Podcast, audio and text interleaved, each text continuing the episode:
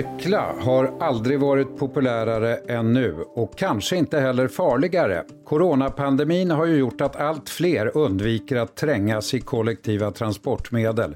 Men det har också lett till många ovana cyklister och många nya typer av färdmedel på våra vägar och cykelbanor.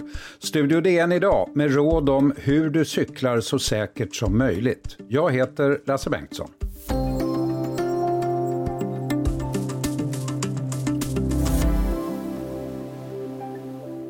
Jag har cyklat i stort sett dagligen i Stockholms innerstad de senaste 50 åren. Jag är beroende av att cykla. Men eh, min bedömning är att det aldrig har varit farligare än nu. Elcyklar, racercyklar, elsparkcyklar, cyklar med jättedäck, enhjulingar, lådcyklar med småbarn i, motordrivna skateboards, blixtsnabba eldrivna jättehjul. De kommer framifrån, bakifrån och från sidan och kör ofta om till höger.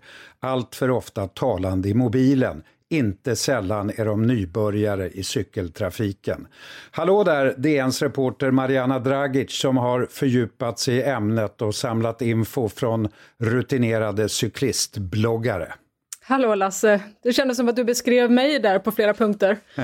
Var det så? Eh, hur är din egen relation till cykling? Nej, men jag är ju definitivt en nybörjare i Stockholmstrafiken. Jag kommer ju från en småstad och har lovat mig själv att aldrig cykla i Stockholm, för jag får kaninpuls.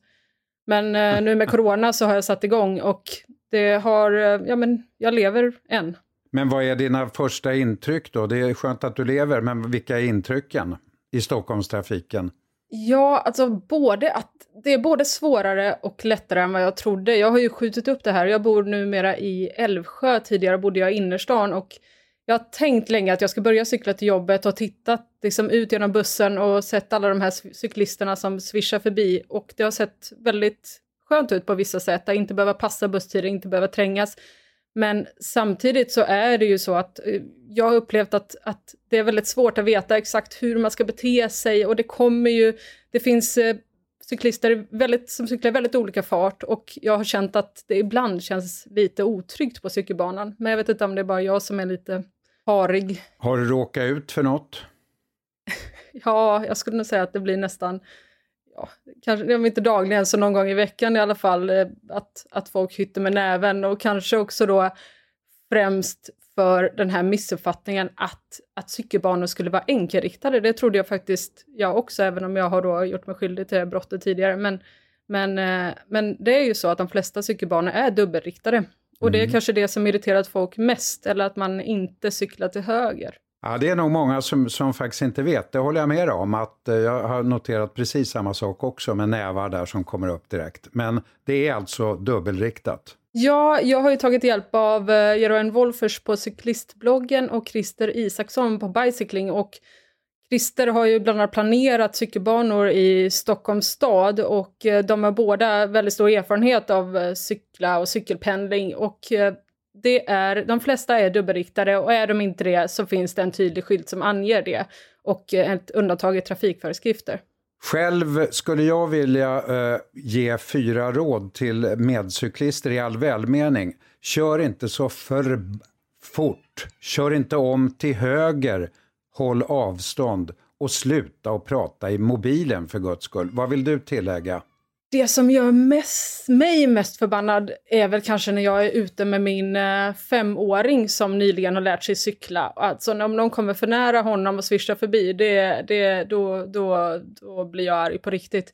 Så att det är nog framförallt det, att ta hänsyn till de minsta. Och är det någon som cyklar långsamt och behöver lite tid på sig, så låt dem ta den tiden.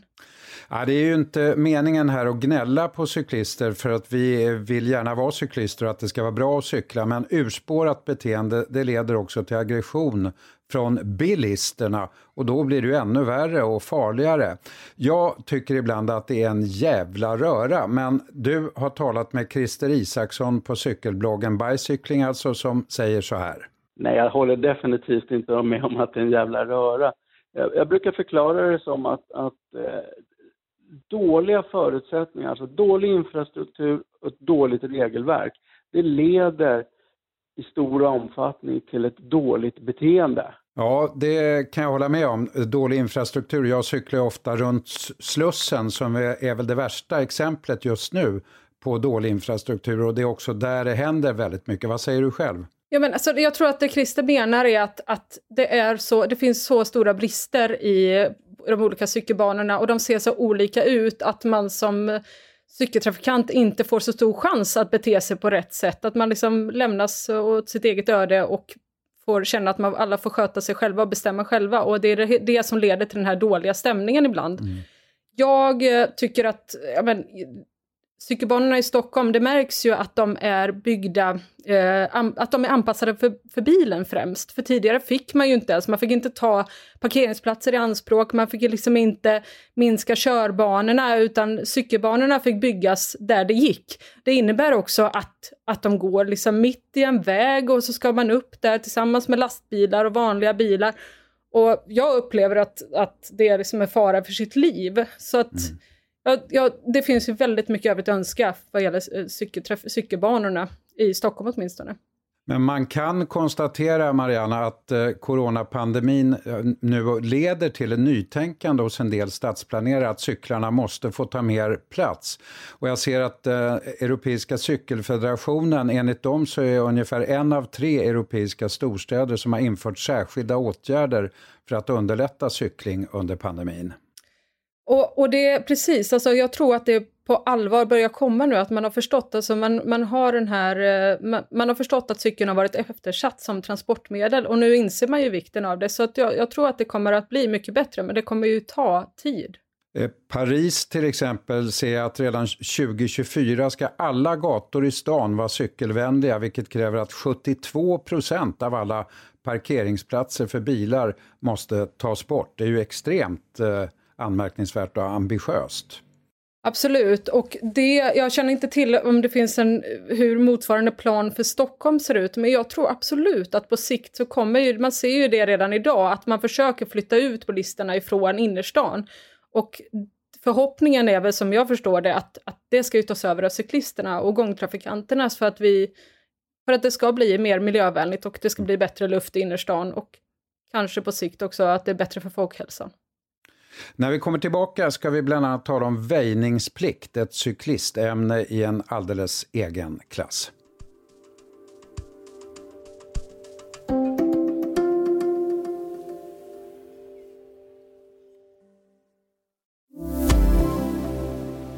Ja, Mariana Dragic, det finns särskilda trådar på nätet med hur många inlägg som helst om ämnet väjningsplikt. Extremt komplicerat att klara ut, eller hur? Mm, absolut. Vi, vi ska, ska vi ta hjälp då av Christer Isaksson på, på bloggen Bicycling? Så här sammanfattar han det som gäller. Ja, dels har vi ju något som heter cykelöverfart. Det är en skyltad eh, överfart över gatan för cykeltrafik där eh, fordonstrafik på gatan har väjningsplikt gentemot den cykeltrafik som korsar gatan. Sen finns det den andra lösningen och den kallas cykelpassage. Och där är det omvänt förhållande vad det gäller väjningsplikt. Där har alltså cyklister som ska korsa gatan har väjningsplikt gentemot den fordonstrafik som finns på gatan. Känner du att allt är glasklart för din del, Mariana?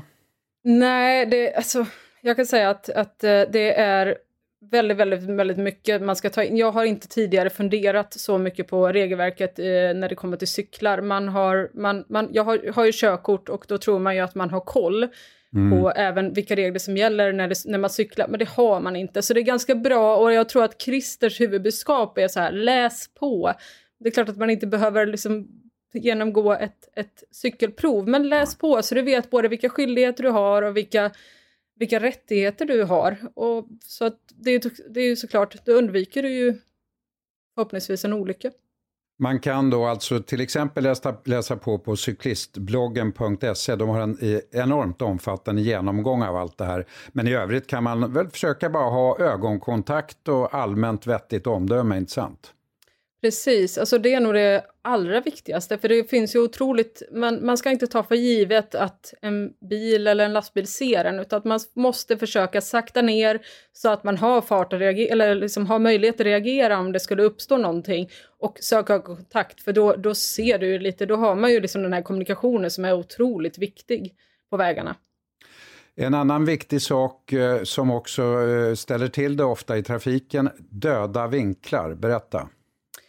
Ja, jag tycker att det var, det var intressant. Jag har nog inte funderat så otroligt mycket på hur, man vet ju att när man kör bil vad som är döda vinkeln.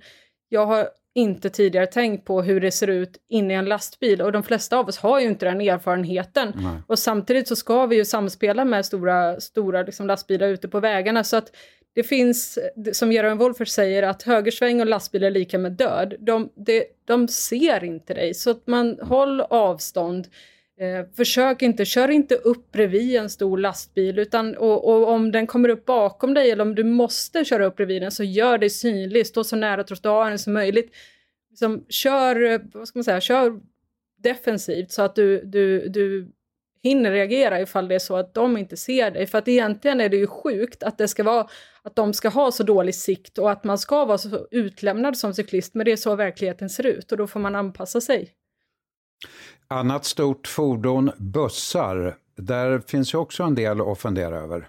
Jo, men absolut, det är ju samma sak där, att man räknar inte med att du syns, utan du måste se till att du, har, att du kommunicerar med förarna i andra fordon. Och där kan det samtidigt också kliva ur en massa människor som du inte riktigt har koll på. Ja, precis. Alltså, det, det lär man sig när man kör bil, att man måste kunna planera sin resa, man ska titta framåt, man ska vara beredd på att det sker saker längre fram i vägen. Som cyklist måste du göra detsamma, för det, om det kommer en buss, räkna med att människor går av och räkna med att de kanske tänker att det här är en gångbana och går rätt ut till din cykelbana. Så var beredd på det, men dessutom så måste man som cyklist ha koll på liksom också precis vad som sker precis framför en, för plötsligt så är det där en, en liten grop eller ett vägarbete som är dåligt skyltat. Som, som cyklist gäller det att ha betydligt bättre fantasi. Utrustningsfrågor då, har du hjälm, Mariana? Ja, det har jag faktiskt. Samvetsfråga. För, för första gången i mitt liv kan jag säga. Och det, är, det beror nog på att jag ska vara, försöka vara liksom gott, gott exempel för mina barn. Men jag har aldrig haft hjälm i hela mitt liv, inte ens när jag var barn. Och det finns ju ingen lagstiftning heller, utom när det gäller yngre, inte sant? Precis, är du under 15 då ska du ha hjälm, vuxna får välja själva och jag blev lite förvånad faktiskt där. jag hade ingen aning om att det ändå är en jag tänkte att hjälm är väl någonting alla har, det diskuteras inte, men det är ju så ändå att, att eh, det, det, det, finns de som är av uppfattningen att hjälmen är inte så viktig. Det viktiga är att förebygga olyckor, för att hjälmen gör ju inte det. Den kan i bästa fall skydda dig mot skallskador, men det finns gott om människor som, som, som tycker att ja, men, låt oss diskutera någonting annat än cykelhjälmen för en stund. Mm. Nu kommer snart höst och vinter, halka, några saker att tänka på där? Ja, men det är väl man tänker ju att vintern är man ju beredd på, det vet man ju att det blir halt och det blir is, men just på hösten så är det ju precis samma problem. Du kan hastigt sjunka den temperaturen, på morgonen kan du cykla, behöva cykla på svart is, så att var beredd på det. Och dessutom då alla nedfallna löv. Har ju, fyller ju ungefär samma funktion. Eh, sen ska vi till sist, eh, Mariana, det finns så mycket som helst att säga om det här. Som cyklister och medmänniskor tillåter oss en allmän uppmaning om hänsyn och omdöme och försiktighet i trafiken, i synnerhet nu som det är så många som eh, hojar i alla olika former. Det ska vara kul att cykla. Tycker du att det är kul att cykla? Ja, när jag inte är rädd så är det faktiskt jättekul. Jag har precis köpt en lådcykel som jag skjutsar runt mina barn i okay. och det är en otrolig frihet faktiskt. Även när man kommer där en stor, där känner man sig nästan som en lastbil på, på cykelbanan. Kör inte ner för Slussen i rusningstid i alla fall, det är min enkla uppmaning. Nej. Jag känner till mina begränsningar så jag försöker hålla mig på cykelbanor som är långa och raka och inte bland massa bilar och lastbilar och framförallt då inte Slussen. Tack så mycket Mariana Dragic och eh, som sagt var försiktig där ute. Studio DN görs av producent Sabina Marmelakai, exekutiv producent Augustin Erba, ljudtekniker Patrik Miesenberger, teknik Jonas Lindskog, Bauer Media. Jag heter Lasse Bengtsson. Vi hörs!